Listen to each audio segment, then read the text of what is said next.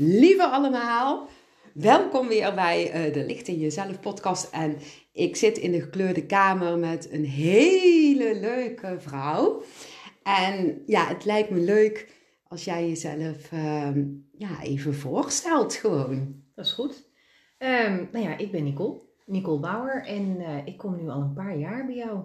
Heel af en toe. En ik, eh, ja, wie ben ik? Wat ben ik? Nou ja, jouw naam zegt al genoeg. Nicole Ja. Bauer. Ja, een bouwer. Ja, en je bent ook wel echt een bouwer. Tenminste, ja, zo voelt het voor mij. We hebben elkaar al een paar keer ontmoet, hè? Ja, klopt. En de laatste keer toen we elkaar zagen, toen had ik zoiets van... Ah, ik wil een keer gewoon een podcast met je opnemen. Ja, En waarover, I don't know. Dat ik weet het steeds niet. Dat weten we nog steeds niet. Dus we zien Ja. wel podcast wat het gaat worden. Maar vaak wordt dat altijd het leukste, vind ik. Ja. Hè, we, we, we hadden net al, voordat we de podcast eh, aan hadden, ineens een heel mooi, interessant eh, gesprek. dat hadden we inderdaad. Ja. En nou eh, hebben we gewoon de telefoon aan, de Ja. opname aan en eh, we gaan gewoon we zien praten. wel waar we terechtkomen. ja, ja, ja, we zien wel waar Ja. we terechtkomen. Nou, ik weet wel dat je het de vorige keer zei, want wanneer was dat? In december of zo. En toen nodigde je me uit om hier in de podcast te komen. En toen zei ik ook van, nou, dat weet ik niet. En toen mocht ik er even over nadenken. En eh, nou ja, ik heb je daarna geloof ik gemaild. En ik heb gezegd, nou ja, is goed, ik kom wel. Ja. En nu zit Ja. ik hier. Ja. En waarom zei je van, nou, dat weet ik niet? Eh, nou ja, je hebt het wel eens over een punthoofd. ja. En ja. mijn punthoofd zei van, ja, waar moet ik het nou over hebben? En ik ben helemaal niet interessant. En, Ja, eh, dat is wel waar. ja. Dus, dus dat was een beetje, en ja, nou ja, dat was de reden eigenlijk. ja. En ik ben ook iemand, ik ben heel goed op de achtergrond en ik ben inderdaad die bouwer. Ik doe heel veel. Eh, ik vind het heerlijk om mensen te helpen.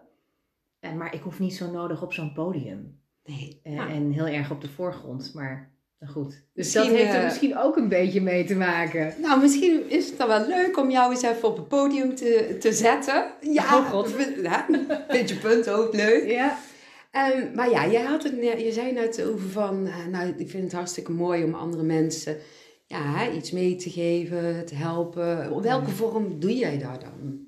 Nou, op, op dit moment doe ik dat op twee manieren. Ik ben coach, eh, dus ik help coachklanten.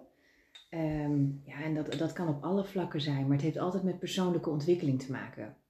En vooral vrouwen die ehm, ja, heel erg de laatste tijd in hun hoofd zitten. En daar hebben we heel veel, trouwens mannen hebben er ook nog wel last van. Maar dat we heel erg in dat hoofd gaan, die ratio, want dat hebben we geleerd. Terwijl we van nature zijn we gevoelsmensen. En als je wat meer dat lijntje eh, weer intact kunt krijgen, dus wat meer dat dat samenvalt, die balans, ja, dan ben je zoveel krachtiger en kun je zoveel beter voor jezelf zorgen. Nou ja, en ik heb het geluk dat ik al een paar vrouwen of ja, daarmee mag helpen. Ja. En ik ga daar nog veel meer mee doen. En help jij alleen vrouwen of ook Nee, ja, mannen ook mannen. pad? Eh, eh, Als coach heb ik ook aardig wat mannen mogen helpen. Ja. En die komen dan op mijn pad omdat ik ook veel in die zakenwereld heb gezeten. En nog steeds, ik, ik zeg altijd, ik heb twee jobs. Ja. Dus ik ben die coach. En ik vind het heerlijk om mensen te helpen. Maar ik ben ook heel erg ambitieus en resultaatgericht. Dus ik ben ook een, ja, een adviseur voor grote organisaties. En dan gaat het om verandertrajecten. Dus dan heb je het over ehm, reorganisaties, fusies, overnames. Maar het gaat altijd om mensen. Ja. Dus dan ben ik ook met die mensen bezig. En bij alle coachklanten die ik dus ook, ik heb dus mannen als coachklanten ook, eh, ja, die komen dan bij mij omdat ze denken van, hé, hey, maar die vrouw weet wel hoe het is in die zakenwereld, dus die begrijpt mij wat beter. Ja. Dus het is niet alleen vrouwen. Alleen waarom zeg ik nu vrouwen? Omdat ik wat meer gericht ben de laatste tijd op vrouwen. Oh ja, hoe komt dat denk je? Of geen flauw idee. En ja, dat ik het gevoel heb dat dat juist de groep is waar ik nog meer voor kan betekenen of zo. Hmm, ja. Hey, en je had het net over hè, dat je merkt van veel mensen zitten in het hoofdje Ja, en eh, mogen meer terug naar het gevoel eh, gaan. Dat merk Ja. ik ook heel erg. Hè? En ik denk dat het ook echt wel deze tijd is waarbij mensen steeds bewuster in het leven gaan staan en erachter komen dat het punthoofd eh, wat roet in het eten kan gooien. Of wat hè. ruis is. Zeg maar, Ja. daarom heb ik het in de podcast, eh, spreek ik zo vaak over het punthoofd. Ja, Het is echt zo grappig, want toen ik begon met de eerste podcast, toen ging die over het punthoofd. Niet wetende dat ik nu in podcast, volgens mij wordt dit 183 al, hè? nee. Ja, Wauw. ja, of 84. Dan, dan weet ik het niet meer zeker, maar het maakt niet uit, nog steeds het over een punthoofd heb. Ja. En dat zoveel mensen door die podcasten te luisteren, ja, erachter komen wat pin- punthoofd eigenlijk inhoudt. Hè? Ja. Dat is zo interessant, want als je leert filteren van wat zegt nou ja, je hart, je intuïtie, je ziel. En wat zegt nou het ego? En het ego split zich dan altijd in tweetjes, het punthoofd en het goed planhoofd. Ja. Omdat ik vind dat het ego ook heel waardevol kan zijn namelijk. En veel mensen willen heel graag meteen van dat ego af. Terwijl het ego juist ook zo, zo inspirerend kan zijn en creatief. Maar dat is dan het goed planhoofd. Ik heb ze gewoon naampjes gegeven, zeg maar. Dat helpt. Dat helpt. Ja, dat helpt. Hé, hey, maar ik ben dan wel benieuwd eventjes naar... ehm, als er nou iemand bij jou komt en die zit heel erg in het hoofd. Hè? Dus stel je voor, ik kom nou bij jou en goh, ik zit toch in het hoofd. En ik weet niet hoe ik uit mijn hoofd moet gaan. Hè? Wat zou jij dan... Ja, Adviseren? ja bijvoorbeeld. Ja, dat- weet je wat het is? Het is ook echt afhankelijk eh, van wie er bij me komt natuurlijk. Want Ja. iedereen is anders. Klopt, ja. Dus dat betekent ook dat voor, ja, voor jou is het weer anders misschien dan voor ehm, je goede vriendin. Wat ik vooral doe is, eh, als het een coachsessie is, om eerst eventjes tot rust te komen samen. En eens te luisteren. En ja, ik vraag vaak, doe je ogen eens even dicht. Ja, Want eh, iets heel simpels door je ogen dicht te doen en rustig te ademhalen en naar je adem te gaan, dan kom je al dichter bij dat gevoel. En, als je het over, en, en dan, dan ga je een gesprek aan en dan ja. let ik natuurlijk ook op wat iemand zegt. Is die vooral met dat hoofd bezig? Nou ja, je noemt het het punthoofd, maar dan zie je vaak dat mensen naar boven kijken, bijvoorbeeld. Dus daar, daar kan ik als coach op inspelen. Maar wat helpt is bijvoorbeeld, ik zeg heel vaak, ga naar buiten. Ga het bos in. Of ga ehm, naar het strand als je vlakbij een strand woont. En ga wandelen. Ja. En wees gewoon even stil. Niet gelijk muziek opzetten of met die vriendin gezellig gaan kletsen of even gaan bellen. Maar ga echt even die natuur in en blijf bij jezelf. Ja, even naar binnen gericht Heel erg naar binnen als het gericht. ware. Hè? Ja. ja. Ja. Want ja, als je dan zeg maar toch weer met een vriendin gaat kletsen of muziek gaat horen, dat is weer een andere ja, prikkeling zeg Ja. maar die je dan tot je neemt. En ja, je- dichter bij jezelf komen, daar gaat het uiteindelijk om. Ja. En dus door, en dat is één manier, maar je hebt ook, ehm, ja, ik zelf heb heel veel baat bij mediteren. Maar dat is niet voor iedereen, hè? Dus ehm, ik weet ook jaren terug dat ik dacht, nou, mediteren, amhula. Dat is echt niet voor mij. Ik ben een hele nuchtere vrouw. Ik ga toch niet mediteren? Dat is voor die geitenwolle sokken types. En dat had ik ook als ehm, nou ja, gedachtegang bij yoga. Nou, inmiddels doe ik beide. En ik heb er baat bij. Maar het is ook uitproberen. Het is gewoon kijken van wa- waar heb ik wat aan? Werkt dit voor mij? En niet één keer en dan is het klaar. Maar ja, ja, begin met iets simpels. Ja. ja, en het kan natuurlijk ook zijn dat je innerlijke rust ervaart door ja, heel iets anders te doen. Hè? Ja. Dus Ja. dat is net, dat is net. Dat is echt Ja. persoonlijk. Kijk, Ja, het kan ook zijn door, eh, ik noem maar iets, taarten te gaan bakken. Ja, dat wou ik net zeggen. Serieus? Ja, dat is echt grappig, Nee. want dat zeg ik wel vaker in de podcast. Dan ga je Oh. gewoon een taart bakken of zo, als je het nog nooit eerder hebt gedaan of zo. Ik zeg ook altijd van, probeer er ook eens een keertje iets nieuws uit. Hè? Want vaak zitten mensen altijd in eenzelfde ja, cirkeltje te wandelen. Ja, En door iets nieuws uit te proberen, kom je weer tot nieuwe ideeën. En dat kan ook heel inspirerend werken. ja. ja. daar ben ik helemaal met je eens. Ja, leuk. Ja, dus er is ook niet één ding. Het is gewoon ehm, ja, met elkaar ontdekken en zelf ook ontdekken. Ja. En vaak weet je het wel. Ja, zeker. Wat, wat, wat werkt voor jou en waar jij nou ja, rust van krijgt en wat goed voelt. Alleen sommige mensen moeten wat meer op, eh, op weg geholpen worden. Ja, en dan kun je ze wat dingetjes aanreiken, zodat Ja. ze eigenlijk daar bewuster van worden. En van daaruit kunnen ze zelf natuurlijk doorpakken. Ja, Kom je ook wel eens met mensen tegen waarbij je voelt van, hmm, ehm, diegene kan het niet helemaal volgen of ja, je loopt iets voor, ehm, ja, hoe moet ik het nou zeggen? Nou, dat je heel goed voelt waar diegene naartoe kan gaan, maar dat iemand nog niet helemaal rijp is in het proces, terwijl ja, jij wel al dingen aan zou kunnen kaarten, maar dat je voelt dat je beter tegen de muur kunt praten, zeg maar. Ja, Begrijp je dan wat ik ja, bedoel? ik begrijp heel goed wat je bedoelt. Je ziet mij al lachen. Ja. Maar eh, ja, ik moet soms, nee, soms, ik moet regelmatig echt op mijn handen gaan zitten. Maar, en, en dat is denk ik heel erg belangrijk in het werk wat ik doe, althans dit deel van het werk.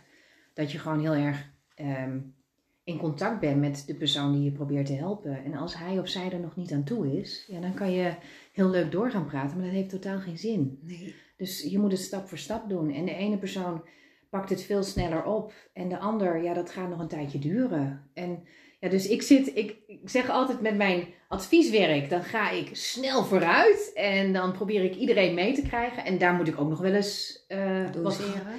doseren en wat gas terugnemen. Ehm, maar met mijn coaching heb ik vaak dat ik echt even op mijn handen ga zitten. Omdat het gaat niet om mij. Het gaat om nou ja, de persoon die, die, met wie ik op dat moment ben. En het moet wel op zijn of haar tempo. Hoe heb je dat ehm, ja, geleerd?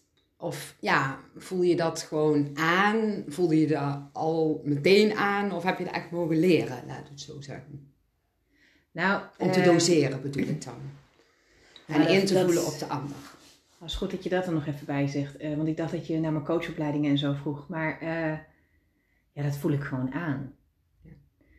Ja, ik, weet je, dat is... dat- Maar wat voel je dan? Ja, ik, ik voel het zelf ook Ja. aan. Maar ik ben zo heel erg benieuwd naar hoe jij dat dan ervaart. Eh, van stel je voor, iemand komt bij jou en die is heel rijp. Dan krijg ik bijvoorbeeld een heel ja, power eh, gevoel. En als iemand komt en die is wat minder rijp, dan voel ik al ja, aan de energie. Of ik voel een beetje weerstand.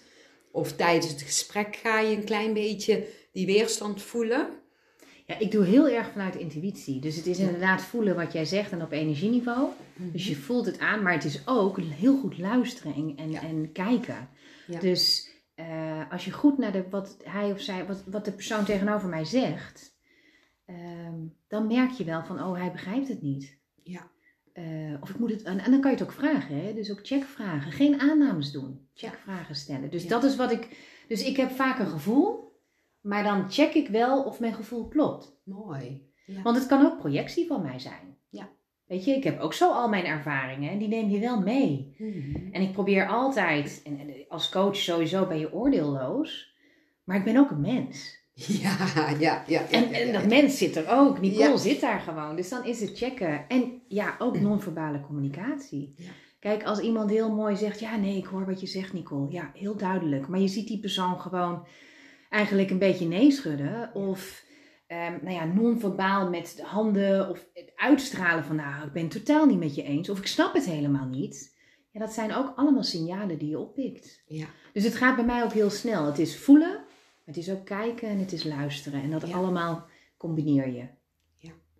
Ja, ik eh, kom heel eventjes van hieruit op een ander onderwerp. Vind ik ook een heel interessant onderwerp. Want merk jij daar ook eh, regelmatig dat mensen iets zeggen en dat ze iets anders uitstralen? Ja. Nicole lacht. Nicole lacht. Ja. Ja. Ja, ja, ja, ja. Ja, oké. Ja, ik heb het eh, ja, van jongs af aan al heel sterk gevoeld. Maar toen was ik daar natuurlijk niet zo bewust mee bezig. Ik denk dat veel mensen dat voelen, zowel onbewust als op een gegeven moment word je steeds Ja. bewuster daarvan. En ja, ik merk dat veel mensen dat ook lastig vinden. Terwijl ik zelf, als ik voel zeg maar, dat het niet helemaal klopt, de woorden die ze zeggen met ja, wat ze uitstralen, dat ik dan iemand gewoon toch in zijn of haar waarde laat en wel goed let op hoe het voor mij voelt, Ja. zeg maar. Ja. Hoe ga jij daarmee om? Ja, het is afhankelijk van de situatie. Ja, Dus- dat is eigenlijk altijd. Ja, dus kijk, als ik in, een, eh, in het werk zit en dan heb ik het over het advieswerk bijvoorbeeld, eh, en ik merk het, dus in een zakelijke setting, Ja. Is dat meestal in een groep ook? ja, dan is het in een groep. Ja. Het kan ook één op één zijn. Ehm, ja, dan ook weer afhankelijk van de situatie. eh, Ja. eh, Ga ik mijn aanname checken? Ja. Maar dan zal ik niet zeggen van, hé, hey, je zegt dit en ik geloof je niet. Nee, zoiets zal nee, ik nooit doen. Nee, nee, nee. Maar het is wel dat ik dan eh, iets zeg van, ik heb het gevoel dat ik niet helemaal aansluit. Of ik heb het gevoel dat ik, ja, misschien het niet helemaal heb begrepen. Of dat wij toch anders naar kijken. Of, of zie ik dat verkeerd? Dus ik vraag het. En dat kan ook op een andere manier zijn, in een andere zin. Eh, en is het privé of is het in een coachsessie? In een coachsessie zal ik het wel gebruiken. Mhm. Afhankelijk van wat op dat moment mijn gevoel me zegt. Ja, En dat is denk ik de graadmeter voor mij. Dus op het moment dat mijn intuïtie zegt, laten rusten, dan doe ik er niks mee. Nee. En dat stemmetje, en het is niet letterlijk een stemmetje, maar dat gevoel, dat is zoveel duidelijker dan tien jaar geleden bijvoorbeeld. ja daar groei je ook Ja. in natuurlijk. Hè? Ja. Want Ja. tien jaar geleden had je dat misschien ja, nog niet zo Dat door. was nog helemaal niet zo ontwikkeld. Ja. En ik bedoel, als we tien jaar verder zijn, is dat nog verder ontwikkeld. ja, mooi hè? Ja, maar dus dat, daar ben ik ook heel dankbaar voor. Ik, ik ben op die manier ook wel heel vaak tegengehouden, zeg maar. Dus dan gebruik je hem niet. Ja. Kijk, en privé heb ik hem in een eh privé situatie eh, afgelopen nou ja, jaar eh, met mijn ex. Ehm, ja, en dan voelde ik dat er iets niet klopte. Mhm. En dan vraag je het. Maar, dan, dan, maar mijn intuïtie zei, er klopt iets niet. Het klopt niet wat je zegt. Dat is heftig hè? In een Dat was heftig, situatie. Ja. Maar Ja. goed, in een privé situatie ga je dus het wel aan. Ja. Ja.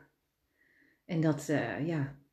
En dat is lastig, want dan later denk je, aha. Maar goed, in het moment niet. Maar goed, laten we het daar verder maar niet Nee, over hebben. Nee, Nee. nee, nee, nee, nee, nee, nee. nee. Nee, dat, eh, ja.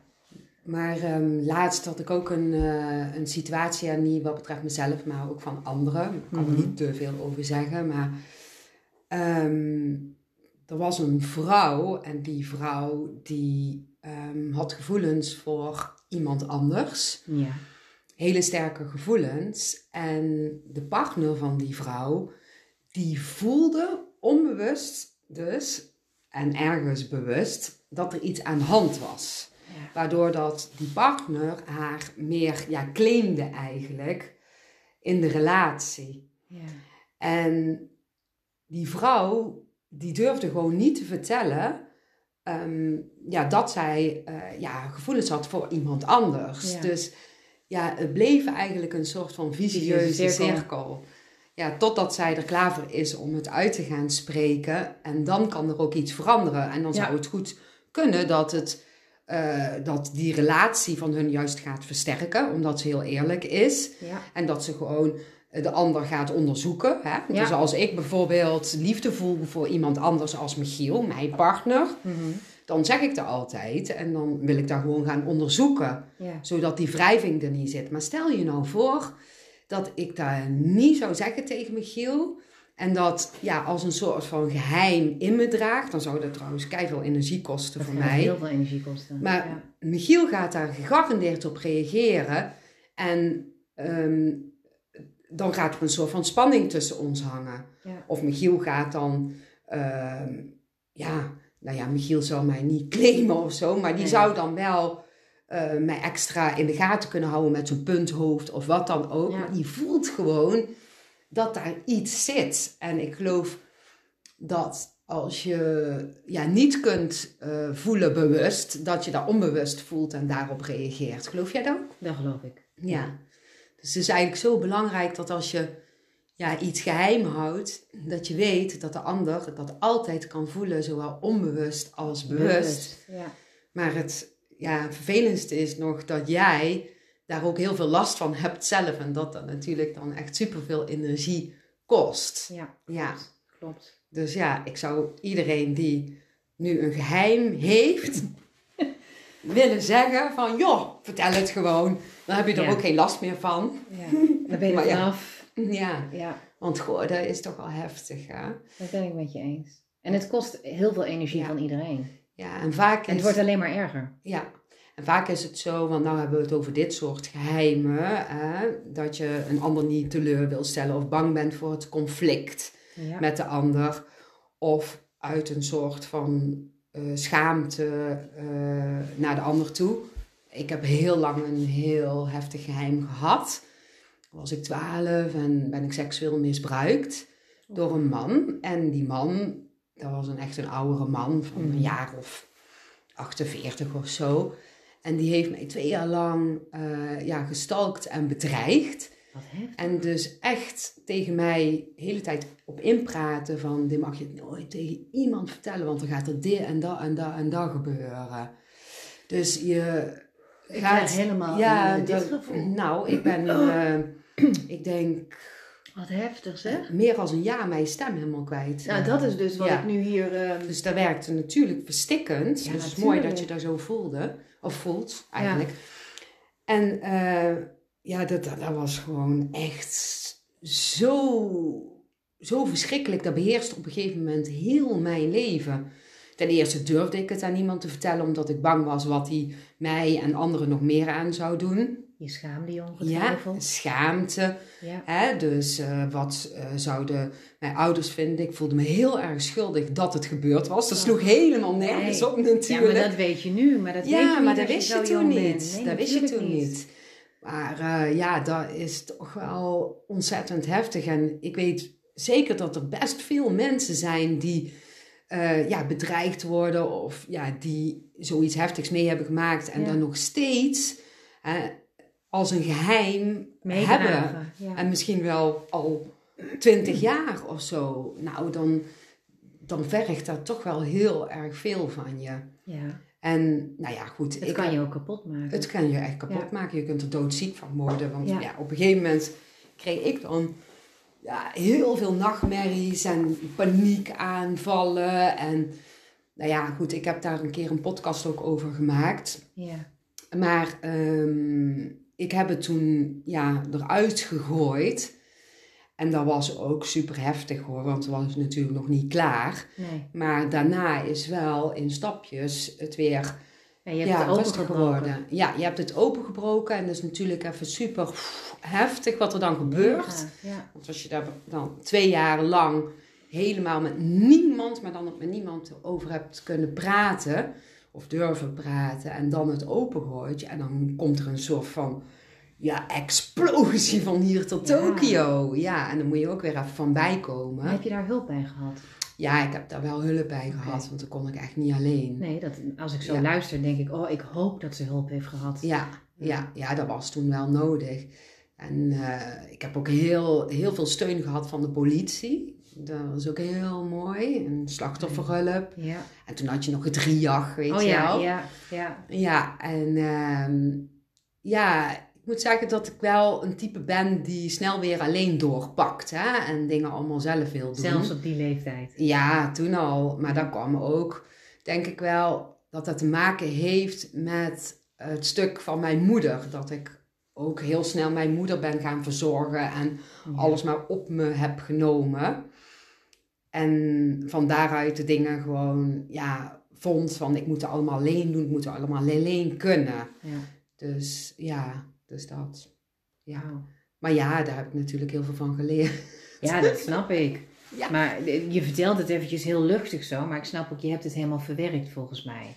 Ja, ik heb het eh, eh, wel in stappen hoor. Want Ja, het is heus niet. zo dat ik na die twee jaar hè, en dan openbreken, dus dat ik het zeg en hulp krijg, dat ik het dan heb verwerkt. Maar dan heb ik het eerste deel verwerkt. Daarna heb ik heel lang eh, seksueel problemen gehad. Terwijl als heel jong meisje vond ik het juist, ja, vond ik het altijd spannend en leuk om daarover te fantaseren. Al heel jong eigenlijk. Totdat ik dat dus mee heb gemaakt. En toen was het gewoon vies, smerig, walgelijk. eh, ja, als een marteling, weet je wel. Ja. Ik durfde niet eens meer aan mezelf te komen. Laat staan dat iemand anders aan mij kwam. Ja. Ja, dat was echt heel heftig en dat heeft heel lang geduurd. En toen ik een relatie kreeg met de vader van mijn kinderen, had ik eigenlijk, was ik heel weinig intiem. En eh, toen, maar dat had niet alleen met dit te maken. Dat had ook echt met de relatie te maken. Ja. Dat die niet helemaal, ah, ja, hoe moet ik dat nou zeggen? Ehm, nou ja, dat is ook een heel verhaal, maar het, het is een relatie die ik heb gehad waarvan ik op dag één al wist van is dit wel de bedoeling? En dan blijf je er maar bij. En hij had zijn vader op hele jonge leeftijd verloren, of ja, eigenlijk net een jaar uh, voordat wij iets kregen. En ik vond dat ik hem moest helpen in zijn proces. Dus er was eigenlijk een project. Dus je ging ook eigenlijk in een soort moederrol? Ja, 100%. En psychologenrol en allerlei rollen, behalve de partnerrol. Behalve de, de, rol die de bedoeling was. Ja. Ja, ja nou, en uh, daar heb ik natuurlijk heel veel ook van geleerd, van die relatie. En om even uh, bij to the point te blijven, toen ik Michiel trof, um, toen pas ben ik seksueel open gegaan. Hij heeft me daar heel erg mee geholpen. Ik heb toen ook meteen het verhaal gedeeld. En we hebben samen heel erg gekeken naar ja, wat kan, wat fijn is. En ja, op een gegeven moment ga je, ja, ga je ja, je steeds meer openstellen. En maar ook omdat er een hele grote basis van vertrouwen was, ongetwijfeld. Ja, en, en liefde. Zoveel liefde. Ja. Ik uh, heb bij Michiel zo, hè, nou nog steeds, maar toen was mijn openbaring. Ja, ik dacht echt van wow, dat dit bestaat. Weet je wel, krijg ik nou weer tranen van in mijn ogen. stralen en ja, ja. Je bent gewoon ontroerd. Ja. En dat wil niet zeggen dat wij uh, nooit geen uh, woorden hebben of zo. Maar wij komen daar altijd uit en we kunnen elkaar ook heel mooi Anders trekken. zou het niet goed zijn. Hè? Nee, nee, Als alles perfect is, dan nee, klopt dan, er iets dan niet. klopt er iets nee, niet in dan, de dan moeten alle alarmbellen gaan rinkelen. Ja. maar, maar wat mooi. wij kunnen heel erg onszelf zijn. Dus het was echt een soort van thuiskomen bij Michiel. En hij heeft me echt seksueel ook heel erg geholpen om daar weer helemaal van te kunnen genieten. Ja, dat is echt super, super mooi. Fijn. Ja. Dat is apart, hè? Dat we nou hier ineens we, we zijn echt van alle... Ja. Maar we hadden ons ook niet voorbereid. We zien wel wat het bracht. Ja, nou, dat is mooi, hè? Ja. ja. Dat is mooi. We hadden het dus over geheimen. En, ja. ja. En we hadden het daarvoor over intuïtie. Ja. En vooral het lijntje tussen hoofd en hart. Ja, ja. Ja, maar in ieder geval, uh, ja, dat dus. Ja. Ja. Wat okay. mooi. Goed, nou, we gaan weer verder. Dus even kijken waar we nou over gaan hebben. Ja, um... En wat er door mijn hoofd gaat, maar dat heeft ook te maken met dat ik nog niet zo lang geleden uit de relatie ben. Ik ben de laatste tijd, kwam ik er steeds op, is mij een paar keer teruggegeven dat je drie echte liefdes in je leven hebt. En de derde is thuiskomen. En ik hoor jou net zeggen, Michiel, dat is echt thuiskomen. Ja, daar voelde echt als thuiskomen. Ja, ja. ja. Heel, heel mooi. Ik weet niet zeker of dat je ik weet ook niet of het waar is, hè, of de drie. Zo, dat weet ze noemde, wat ik nou, maar ik, ik heb geen idee, puppyliefde of puppy love. Dus je ja. eerste oh, ja, echte zo. liefde. En de tweede is dan heel gepassioneerd. En, liefde, en dat wil niet zeggen dat je derde niet gepassioneerd is, maar de derde liefde is de liefde waarbij je thuis komt. Ja. Dat gevoel. Okay. En ik luisterde naar jou, toen kwam dat even op. En omdat we zeiden, we zeggen alles. Nou ja, ja, ja dat is mooi. Dat is mooi.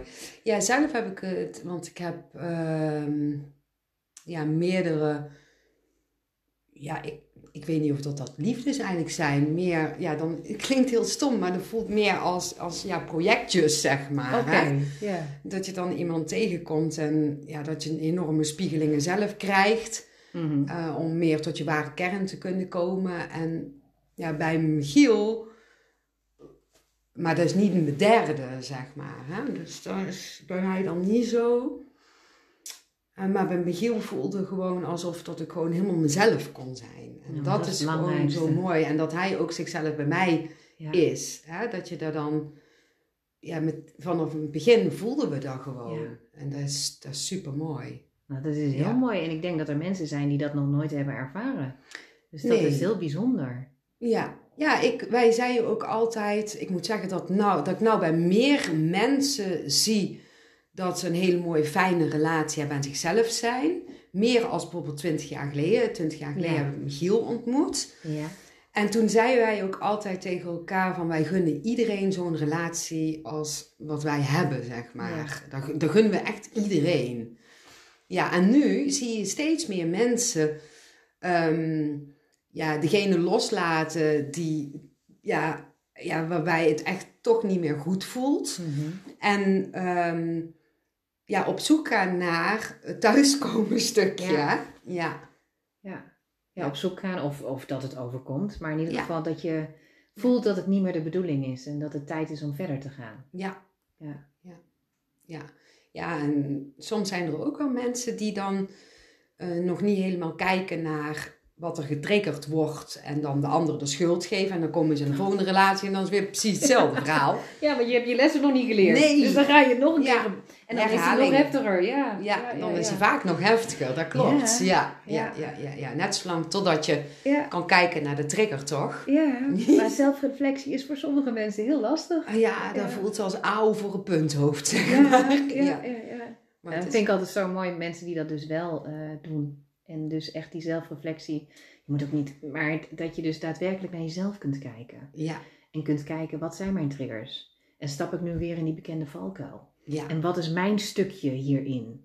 Dus als je in een relatie zit en je loopt tegen dingen aan, dan kan je wel heel erg zitten op, ja, maar hij doet dit niet goed en hij zit dat en hij zit zus en hij zit zo.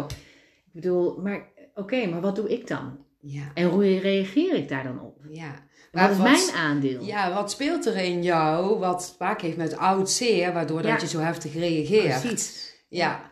En ja, hoe zou je mensen daar naar kunnen laten kijken, mits ze daar dan voor openstaan en bij kunnen komen? Wat zou je dan eh, adviseren? Nou ja, eh, door eens goed te kijken, door gewoon een situatie erbij te pakken. En laat die situatie maar eens beschrijven. Dus dan vertel je, nou ja, ehm, weet ik veel. Ehm, ik irriteer me heel erg aan elke keer die, die rotzooi in de keuken en dat alles zo niet opgeruimd is. Nou ja, oké. Maar waar irriteer je je dan aan? Ja, En dan gewoon dat uitgaan. Ja, je irriteer, je irriteer je echt aan die rotzooi? Of, nou nee, Ja. ik irriteer me meer aan gewoon het feit dat hij het weer niet heeft gedaan. Hij ziet toch dat ik druk ben? Ja. Oké, wacht even. Hij ziet toch dat ik druk ben? Nou, en dan ga je daarop door. En dan ga je dus eigenlijk, net alsof het een ui is, die ga je afpellen. En dan ga je eens kijken. En dan kan het best zijn dat er zit dat het helemaal niks met die, die keuken te maken heeft die niet opgeruimd is. Maar dat het heel erg te maken heeft met ik wil gezien worden en ik wil geholpen worden. Ik wil niet alles alleen hoeven doen. ja, ja, Maar dat is wel iets anders dan als je elke keer tegen je partner zegt: Nou, ik wil een opgeruimde keuken. ja, En doe dat nou eens.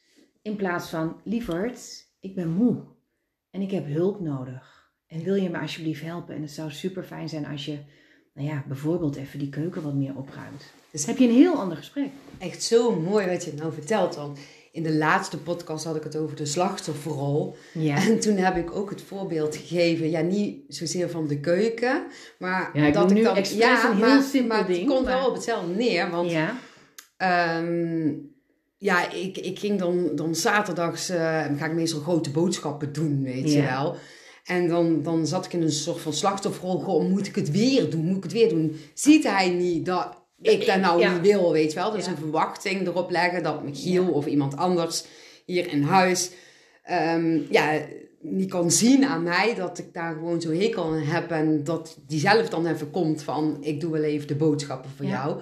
Maar daar zat natuurlijk wel eventjes iets onder. Dus daar heb ik in de Ja. vorige podcast over Oh, verteld. die heb ik niet gehoord. Sorry. eigenlijk Ja. grappig. Nee, maar het is, het is juist leuk dat jij die niet hebt gehoord. En dat jij nou ook weer dit als voorbeeld eh, geeft. En wat ik ook zei is, en dat doe ik dus ook wel eens ooit met als ik in de keuken bezig ben en ik zit weer eens in die slachtofferrol dat ik niet naar mezelf kan kijken en Ja. een verwachting heb van, ja, hè, eh, kan jij niet eens een keer het aanrecht opruimen of zo, dat ik Mhm. extra hard met alles ga gooien, weet je wel? Zo van, ja, als hint van ja. hallo, hoor mij, Ja. zie mij. Terwijl het zo nodig is dat ik mezelf uitspreek. Ja, en gewoon zeg wat het... Maar soms heb je zelf niet door wat er aan de hand is. Nee, Omdat je Nee. zo in die situatie dan zit. zit je eigenlijk vanuit dat ja, pijnstukje wat daaronder ligt, Precies. zit jij de dingen te doen. Vanuit jouw innerlijke pijnstuk eigenlijk. Ik heb ook een heel mooi voorbeeld. Ooit zei iemand tegen mij, ik was toen heel druk aan het praten en diegene die zei zwijg. Nou, ik dacht echt man, ik ontplof hier wel zo ontzettend.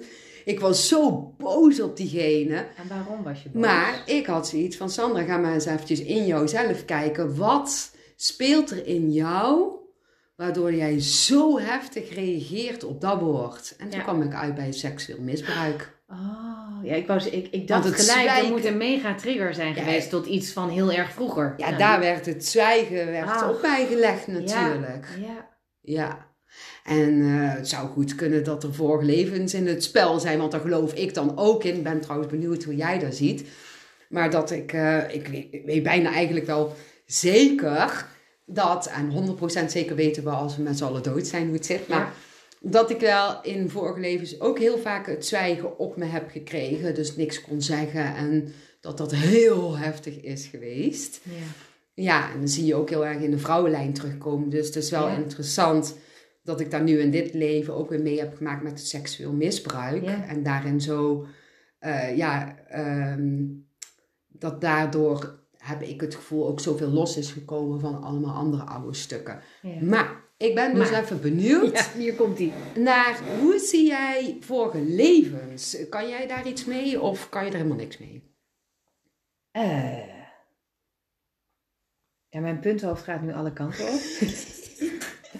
nee, maar kan ik daar iets mee? Ja, weet je, ik kan niet naar vorige levens kijken of zo. Alleen ik geloof wel dat er, ik geloof sowieso, want ik zit natuurlijk niet voor niks bij jou aan tafel. Ik geloof wel dat er meer is. En, en ja, misschien zijn er wel vorige levens. Ja. Dat, dus ja, dat, dat wil ik wel. Maar Maar je hebt er nooit echt mee te maken gehad of dat je ooit zelf eh ja, gevoelens hebt gevoeld van vorige levens of dingetjes daarvan hebt gezien. Nou, er is het mij wel eens teruggegeven. Kijk, weet je, ik heb hele mooie reizen mogen maken. En ik ga ongetwijfeld nog heel Oh, veel leuk. mooie reizen maken. ja. En in Thailand heb ik wel eens, ehm, en op andere reizen trouwens ook, met, met, ben ik met mensen in aanraking gekomen. En er is mij wel eens verteld dat ik een heks ben geweest. Ehm, ja. Dat geloof ik zeker. Oh, nou, oké. Ik heb Ja. de bevestiging. Nee, maar ja, de heks heeft wel een naam. Of een, eh, ja, een, een naam gekregen, wou ik zeggen. Nou ja, de heks wordt vaak geassocieerd, kijk naar sprookjes, als slecht. Nou, ik was een goeie, geloof ik. Nou, Ja. ik wil zelf geloven dat ik een goeie was, het zo zeggen. Ja, ik heb ooit gehoord dat het woord heks. ehm, ja, ik weet niet meer precies wat er stond in dat boek. Maar dat het te maken had met de vrouw die eigenlijk best mondig en voor zichzelf opkwam. Ehm, maar in die tijd, of tijden terug, eh, dat dat gewoon echt absoluut niet kon. En dan was daar de brandstapel voor jou. En vaak waren het ook hele intuïtieve dames. Dat was die bij mij. Ja, en eh, hè, dames die, ehm, eh, ja, vrouwen, dames die ehm, heel goed dingen aan konden voelen, goed konden voelen wat wel en wat niet klopte. En ja, ook misschien wel in verzet gingen of Ja. eh, dingen deden eh, waarbij eh, het geloof, zeg maar, niet mee eens was. Want stel je voor dat mensen dat gingen geloven, dan had het geloof geen macht. Dus daar heeft al iets, daar heeft het wel ongeveer een beetje mee te maken. Ja. En je hebt natuurlijk ook vrouwen gehad die heel intuïtief werk deden en ehm, met kruiden mensen genazen. Hè? En ehm, misschien wel met, met, met illusie of wat dan ook. Eigenlijk veel ook deden met de onzichtbare wereld, wat absoluut niet kon. Hè? Want daar lag toen wel een heel groot taboe op. Ja. Hè? Op eh, ja, eigenlijk de onzichtbare wereld. Nou, kijk, als er vorige levens bestaan, en jij gelooft daar ook in, dan, Ja. dan ben ik dat soort dames geweest. Dat Ja. kan niet anders. Ja, want eh. Als jij, hoe jij nou zo in het leven staat, dan vind ik ook dat jij een type bent die heel intuïtief te werk gaat en graag ook ja, hè, eh, opkomt voor ja, rechtvaardigheid. Ja, jij en- zegt het en het woord wat terwijl ik aan het luisteren ben naar jou, denk ik de hele tijd ja. Mijn thema is onrechtvaardigheid. Ja, En, en dat is wat ik waarschijnlijk uit heel veel levens hiervoor meeneem. ja, Ik kan niet tegen onrechtvaardigheid. Ja. En in nou ja, de jaren dat ik hier op aarde ben, heb ik eh, ook regelmatig eh, geknokt voor anderen. Ja. Terwijl het is dan vaak niet mijn strijd en dat moet ik ook daar laten liggen. Ehm, en dat leer ik, weet je. En, en dat, ehm, maar goed, dat is, dat is even wat er bij mij opkwam. Onrechtvaardigheid kan ik, ja, dat is iets waar ik niet goed tegen kan. En eh, deze wereld is super onrechtvaardig. ja, want dat wilde ik dus Ja. net zeggen. Want ehm, ik geloof dat deze wereld altijd al onrechtvaardig is geweest. Niet alleen nu, Nee. maar nu komt er natuur- natuurlijk veel naar boven op een of andere manier. En misschien Ja. heeft dat ook wel met social media te maken dat we overal bij kunnen komen. Ja. En eh, eh, 300 jaar geleden, toen was dat natuurlijk heel anders. Ja. En toen wist je niet wat er aan de andere kant van de wereld afspeelde of zo. En nu weet Nee, je meteen. weet ja. Dus, maar toen wa- was aan de andere kant van de wereld ook al dit en dat aan de hand. En Ja. hier ook, weet je wel. Het is, volgens mij de aardse wereld is gewoon een plek waarbij het nodig is dat onrecht er is. Omdat, zoals ik het zie, daar mensen weer van kunnen leren en van Ja. kunnen ontwikkelen. En zie maar eens te dealen met deze wereld. En als je het dan meer op zielsniveau kan bekijken, dus in die diepere laag, Ja, ja. eh, dan, hè, dan hadden we het voordat we de podcast Ja, we eh, over. begonnen, Ja. hadden we het daar ook over. Dat je, ja, je kunt dingen aards bekijken, maar je kunt ook eh, dingen op zielsniveau bekijken. Ja. Dat vind ik wel leuk om daar dadelijk eventjes op door te gaan. Help even te onthouden, Ja. want dan sla ik hem heel even op. ja, dat is goed. Ja? Ja. Ja, daar zijn we weer. Ja. Ja, we hebben weer een lekker bakje eh, thee. En ehm, ja, we hadden het over dingen op aardsniveau, noem ik Ja. het maar even, bekijken. Dus de, vanuit de aardse zienswijze. Ja. Vanuit hoe je het hebt geleerd, Ja. denk ik dan. En wat je mee hebt gekregen vanuit de invloed van buitenaf. Dus wat jouw ego ervan maakt. Mhm. Zou ik het zo kunnen zeggen? Ja, ik weet het niet. Ja? Ik zeg maar even iets. Dus in ieder geval de aardse zienswijze, hoe men aards het ziet. En je hebt, zoals ik het dan zie, ehm, op zielsniveau bekijken. En op zielsniveau is een heel anders. Want dan kijk je veel dieper en veel bewuster. En dan zie je dat alles wat er gebeurt, ja, niet voor niks is, zeg maar. Hoe zie jij dat? Ja, je beschrijft het heel mooi. Ja, ik, ik, ehm, ja. Ik, ik zit ook te denken, zou ik het dan anders beschrijven? Hoe zie ik dat? ja, of heb je een voorbeeld misschien dat in je opkomt? Eh, voorbeeld, ehm, zonder dat ik in details wil gaan, maar Ja. eh, je kunt iets heel heftigs meemaken Mhm. en intens verdrietig zijn. ja. Ehm, en toch een diep vertrouwen voelen, diep van binnen. En nog steeds met liefde naar een situatie kijken of naar een persoon kijken. Ja. En dan is het aardse is die intense pijn, intense verdriet, eh, heftigheid, eh, boosheid. Maar je kunt daar dan op de een of andere manier, maar even vanuit de ervaring, dus op, op zielsniveau, kun je er op de een of andere manier boven gaan hangen. Omdat je aan alles voelt, blijkbaar is dit de bedoeling. ja, en is het gebaseerd vanuit liefde? Ik geloof ook heel sterk dat je, ehm, als je in de bron bent, nog voordat Ja. je geboren bent, zielsafspraken maakt met elkaar. Dus stel je voor, iemand doet jou iets verschrikkelijks aan. Ja, eh, dat dat altijd gebaseerd is voor jou op liefde. ja. Hoewel het aardse zien. Is dat helemaal geen liefde? Nee, kijk even bijvoorbeeld, halen we even de seksueel misbruik Nou terug. ja, bijvoorbeeld. Of, maar het kan ook iets anders zijn. Hè? Ehm, Ja, je moeder die overlijdt. ja, Mijn moeder is eh, toen ik vrij jong was overleden. Dus ik was net twintig. Nou, dat was mega heftig. Ja. Inmiddels heb ik dat verwerkt. Maar er zijn wel wat jaren overheen gegaan. Ja, tuurlijk. Maar toen dat gebeurde, ja, dat is op aardsniveau het aller, aller, allerergste wat je kan overkomen. Ja. Maar op zielsniveau, ja, heeft dit blijkbaar, eh, ja, moeten gebeuren. Vind ik altijd een beetje lastig bij de situatie als ik mijn moeder erbij haal. Want het Ja. blijft natuurlijk, het liefst had ik gehad dat ze was blijven leven. Maar het heeft mij wel gemaakt tot de persoon die ik nu ben. En het betekent ook dat ik daardoor weer anderen kan helpen. Mhm. Ehm, dus Maar het kan ook, ja. toen op dat moment dat jij zeg maar daar middenin zat, Ja, in dat proces, zo noem ik het maar even, Ja. eh, kon je het toen al zo zien of pas toen je meer het had verwerkt? Ik kon het toen niet op die manier zien, maar ik was ook heel jong. Mhm. Dus nu, in de afgelopen 15 jaar, heb ik ook heftige dingen meegemaakt. Maar ik heb heel veel meer levenservaring. En kijk ook anders naar dingen. Dus nu lukt het me om wel op zielsniveau te kijken. Dat kon ik toen niet, maar ik kon het wel deels voelen. Ja. Dus ik voelde wel dat diepe vertrouwen.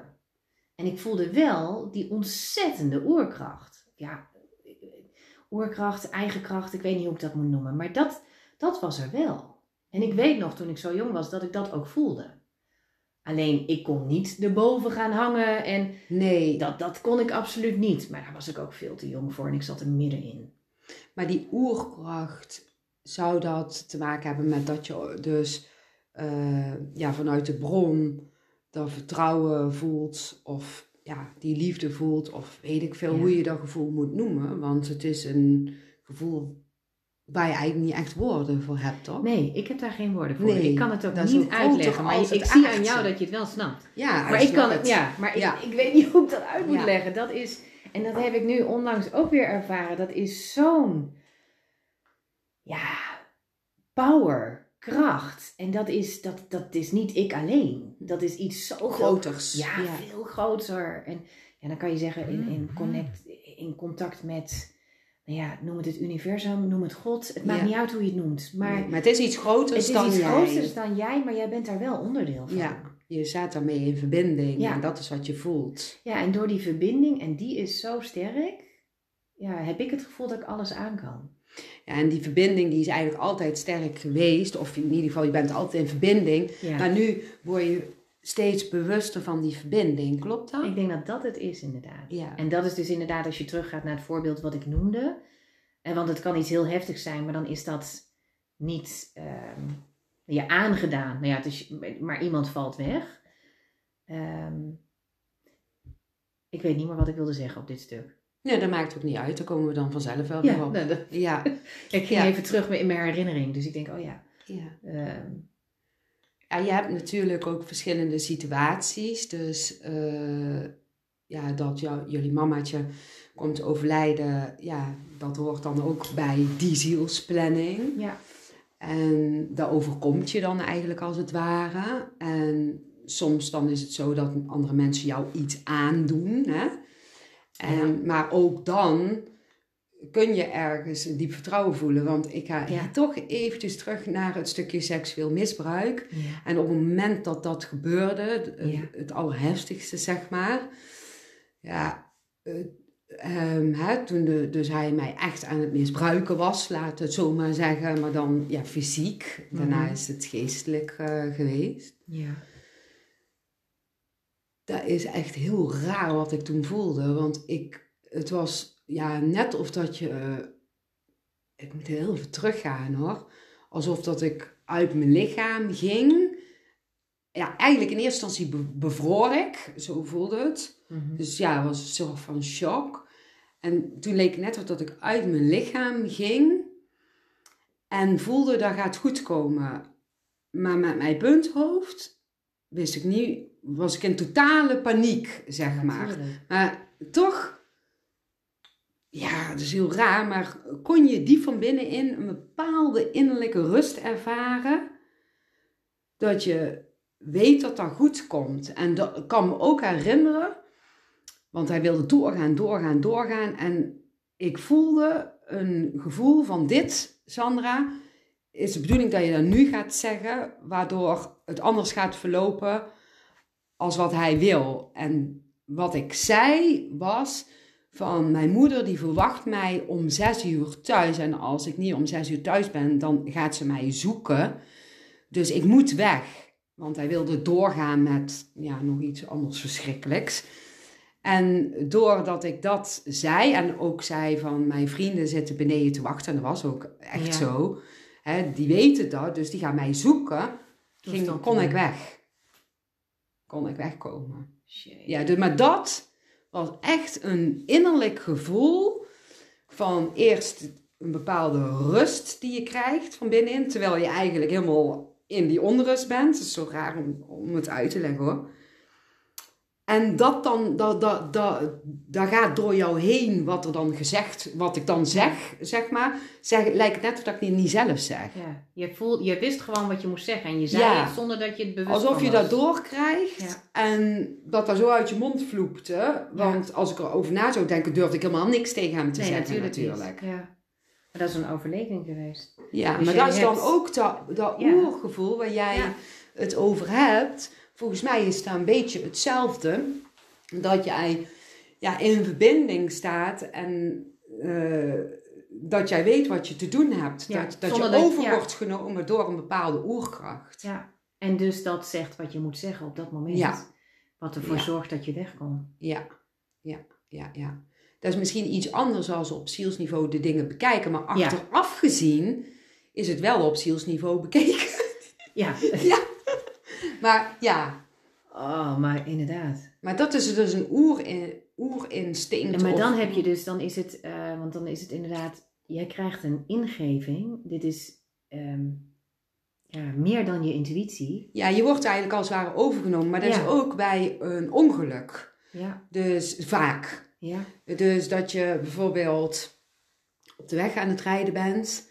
En laatst had ik er ook. kwam er een spookrijder aan. oeh, En ik, ik zag hem aankomen. En op dat moment leek het wel of dat iemand anders mijn stuur over. overnam. Is- ik stuurde dus precies dat ik er zo onderuit kan, kon, kon Ah. komen. Ja, En ik had echt zoiets van, nou, dit is niet wat Nee. mijn denken kan bedenken om Nee. zo te handelen. Dat is gewoon een beschermengel geweest. Ja, maar, dat, ja, maar Ja. dat is dus wel, ja, beschermengel, zo zou je het ook kunnen noemen. Ja. Maar dat is het oerinstinct, Ja. wat verbonden is met die bron. En blijkbaar was het dus niet de bedoeling dat ik dat ongeluk zou krijgen. Nee, dus, dus daarom er, werd ik overgenomen. Ja. ja, mooi als je er op deze manier naar kijkt. Ja, Ja. maar dan eh, vaak bij heftige dingen Ja. eh, neemt iets jou over of voel je een bepaald gevoel wat eigenlijk ja, van de ziel komt. Dus ja, Ja. van de bron komt. Van Ja. het groter deel ziel of innerlijke zelf of het goddelijke of hoe je het ook allemaal weer noemt. Maar het is iets groters dan jij. Ja. Nou, en die herken ik wel qua. ehm, als, als er heftige dingen gebeuren, dat je dus zo'n rust kunt ervaren, terwijl er zoveel aan de hand is. Ja. En eigenlijk je, met je, je hoofd, dit, dit kan je gewoon niet bij. En toch voel je die diepe rust van binnen. Ja. Of een diep, en een diep vertrouwen. Ja. En dus ook die kracht. En dat je inderdaad dat overgenomen worden, ja, dat, dat klinkt dan. Ja, die herken ik ook. ja, het klinkt misschien een beetje gek of zweverig, maar het is eigenlijk een oerinstinct. Nee, ja, ja. Een heel natuurlijk Ja. iets. Ik geloof ook dat dat bij dieren gebeurt. Ja. Dus Ja. die herken ik wel heel Maar ja. dat is dan weer iets anders dan op zielsniveau of Kijk, aards eh, kijken. Maar het heeft- ja. staat wel een beetje met elkaar in verbinding. Maar ik kan me ook wel voorstellen dat er nou iemand luistert. Maar die en denkt, waar hebben ze het allemaal dat over? diegene dan zoiets heeft van... eh, ja, maar ik zit in zo'n heftige, moeilijke situatie... en ik kan helemaal geen vertrouwen voelen. Is er dan iets niet goed met mij? Nou, in sommige gevallen kun je het ook even niet voelen. Nee. Ga je helemaal in die pijn... Ja. Ga je mee, zeg maar, met de aardse versie, met je punthoofd. Ja, Ben je even in, op het dwaalspoor. ja, Maar dat dwaalspoor is ook weer ergens voor nodig om iets heel, helemaal te gaan doorvoelen. Wat je eigenlijk niet wil. Want wil je het liefst er natuurlijk meteen van af. En dan leren we ook om daar meteen ja, van af te stappen. Terwijl het ergens ook nodig is om daar doorheen te gaan. En misschien staat daar ook wel weer in verbinding met nog veel meer als de aardse werkelijkheid. ja, Wie weet. Hè? Maar ehm, soms dan kun je het ook even niet voelen, het vertrouwen. Hè? En eh, ehm, word je ook even niet overgenomen door het universum, Nee. maar blijf je daar even in zitten. Ja. En, En dan voel je alleen maar intens verdriet of intense boosheid. Of, ja, ja, heb ik ook meegemaakt. Ja. Hè? Dus het is heus niet zo dat ik altijd alles op zielsniveau eh, ja, kon bekijken. En soms voel ik nog steeds wel eens ooit dat ik even verdwijn in mijn punthoofdje van... wow. Kan, ik kan zeggen, nu je gaat steeds bewuster in het leven staan. Ik weet niet of dat ook zo voor jou, eh, of dat jij dat ook zo voelt. En dat je weet dat het zo werkt dat je het dadelijk toch wel op zielsniveau ziet. Heb jij dat ook? Ja, dat, ja. Dat je er wel uitkomt of dat, het erger, dat je ergens wel weet of vertrouwen hebt van ja, dat gaat wel goed komen, alhoewel je wel door die pijn gaat. ja. Of Nou ja, je, je hebt momenten dat je echt denkt van nou, dit, dit komt niet meer goed. Of ik, ik ben zo verdrietig en Ja. kijk het allemaal maar. En, Ja. En dan toch kun je dan op een gegeven moment wel, oké, maar ik weet dat uiteindelijk komt het goed. Ja. Eh, blijkbaar is dit ergens voor nodig. Ja, en je- meestal kan ik wel zo denken omdat ik die ervaring inmiddels ja heb. dat wou ik zeggen, precies. Ja, maar Ja. dat is nu. Maar Ja. ik ben inmiddels 46. Dus ja, ik En- heb ook heel veel meegemaakt en veel levenservaring. Ja, Dus dat is toch anders. Ja. dat is anders. Als dat je de, als je wat jonger bent en je hebt nog niet zoveel levenservaring en de ene kan ook iets bewuster al kijken en de ander, ander. vanuit een nog Ja. wat onbewustere versie en daar en is daar ook is niks mis mee, hè? Oh, Tegelijk. ja, daar is zeker niks mis mee. Nee. Nee, we zijn Want- allemaal anders. Ja, ja, en dan heb je de onbewuste kijk nog heel eventjes nodig ergens Ja. voor. En Ja, dat is dan ook oké. Ja. Ja, dus, Nou, ik heb wel eens dat ik denk van, oh, klopt het wel bij mij? Omdat ik dan terugkrijg van, jeetje, je bent zo krachtig, Nicole. En ja, dat je dat dan zo kan zien, dan denk ik, oh, doe ik het dan wel goed? Ja. Moet ik dan niet misschien eerst nog veel meer? Eh, weet je, dus dat, het kan ook andersom zijn. Ja, ja, ja. maar ja. iedereen doet het op zijn eigen manier en ervaart het op zijn eigen manier. ja. En dat is ook oké. Dat is maar goed zeker. ook. Ja, dat is ook oké. En ja, dat kleurt de wereld, zeg ik altijd zo. Nou ja, Ja. inderdaad. Dat doet me ook even denken aan, eh, aan mijn vadertje toen die overlijdt. Eh, toen, toen voelde ik zo'n... Ja, ik voelde al in het sterfproces een eh, hele sterke verbinding met hem. Maar daarna was het nog intenser. Maar dat kwam gewoon omdat ik gewoon zo zijn energie zo sterk ja, voelde. En heel veel mensen waren nog in het verdriet, zeg maar. Ja. En ik was eigenlijk alleen maar blij. Ja, en toen had mijn punt ook zoiets van... Ja, dat is niet goed hè, Sandra'tje, dat jij nu zo blij bent. Want je moet toch gewoon verdrietig zijn? Je bent helemaal niet verdrietig. Hoe kan dat nou, weet je wel? Ja, Zo- gelijk een oordeel op jezelf. Ja. ja, ja. ja. Ja, ja. Maar ja, ik, ik zie tegenwoordig zo, maar dat heeft ook natuurlijk met al die verlieservaringen te maken. eh, dat overleden mensen zijn voor mij nog dichterbij als mensen die hier levend op aarde rondlopen.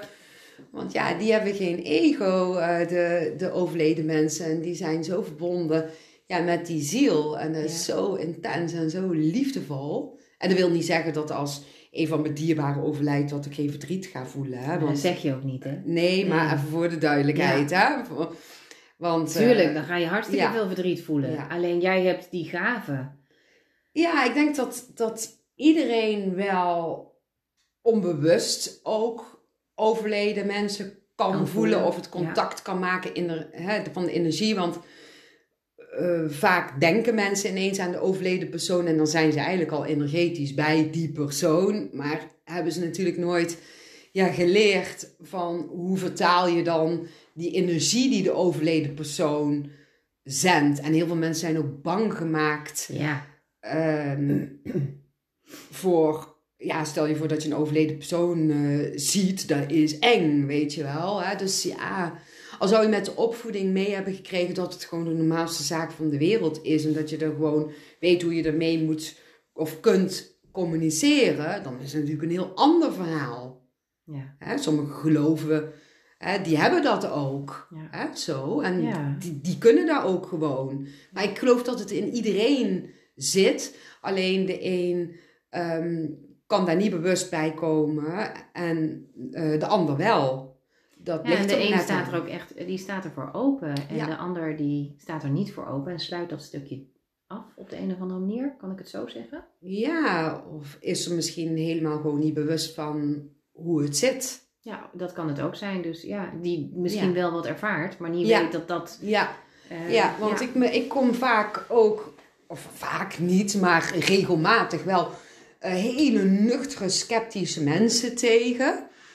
En die dan eh, toch iets vertellen over een overleden persoon, een ervaring, waarvan ze zoiets hebben van, ja, maar dat kan helemaal niet. Maar toch is het er. Dus die dan wel een beetje in de wacht zijn. Dat vind ik ook altijd heel interessant en heel Ja. mooi. Hè? En ik, ik laat ze dan ook gewoon daar waar ze kunnen zijn. Hè? Ja. Dus, maar ik vind dat wel, wel heel mooi dat ze zo sceptisch en zo nuchter zijn, maar toch een bepaalde ervaring hebben meegemaakt.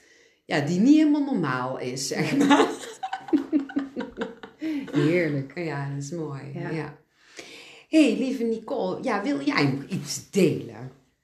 Eh, nou, ik zit heerlijk met jou te kletsen. Ik ben helemaal vergeten dat we een podcast aan het doen Ja, zijn. dat is dan precies Ja. de bedoeling. Nou, dan is dat gelukt. ja. Want ik dat had je is- natuurlijk van tevoren gevraagd, kan ik me ergens op voorbereiden of zo? Ja, Toen ja, zei je nee, laat dat punthoofdje thuis. ja. Maar, ehm, dus ik heb heerlijk zitten kletsen met je. En Ja. ehm, ja, wat ik, of ik nog iets wil delen. Nou, ik, ik vond het vooral leuk om je weer te zien. En weer eens hier zo, eh, nou, dat, dat ik in je podcast mag. Nou, ik voel eh, me zeer vereerd dat jij gewoon helemaal naar mij toe komt om een podcast op te nemen. Ik ben je heel dankbaar. Echt Nou. superleuk. Ja. Ja, het voelde gewoon goed toen ik je zag van, oh, dan voel ik daar van, met jou wil ik Ja. graag een podcast opnemen. Ja. En dan, ja, het is zo leuk. Ja. Ik vond het ook een heerlijk gesprek. En ja, misschien wil jij degene die nu luistert nog iets meegeven. Wat komt er dan in je op? Dat is misschien nog wel een leuke. Blijf dicht bij jezelf. En, En- ja, blijf dicht bij jezelf. En wat bedoel ik daarmee? Luister gewoon heel goed naar wat heb jij nodig. Hmm. En, ehm, en dat, kan, dat klinkt heel simpel, maar zo simpel is het niet. Dus ja, weet je, we- we lopen allemaal tegen dingen aan. En we hebben, met, we hebben de ene, ja, het kan van alles zijn. Maar we zijn vaak druk met alle ballen maar in de lucht houden. En stop heel eventjes, sta even stil. Pak even een innerlijk rustmomentje, zoals jij dat wel eens noemt. En sta stil bij, hé, hey, wat heb ik nu eigenlijk nodig? Wat heb ik nu nodig? En zorg dan ook goed voor jezelf en doe dat dan ook. Ja, dat is echt precies. Ik denk, ik hoop dat je dat gaat zeggen, anders ga ik het nog even aanvullen.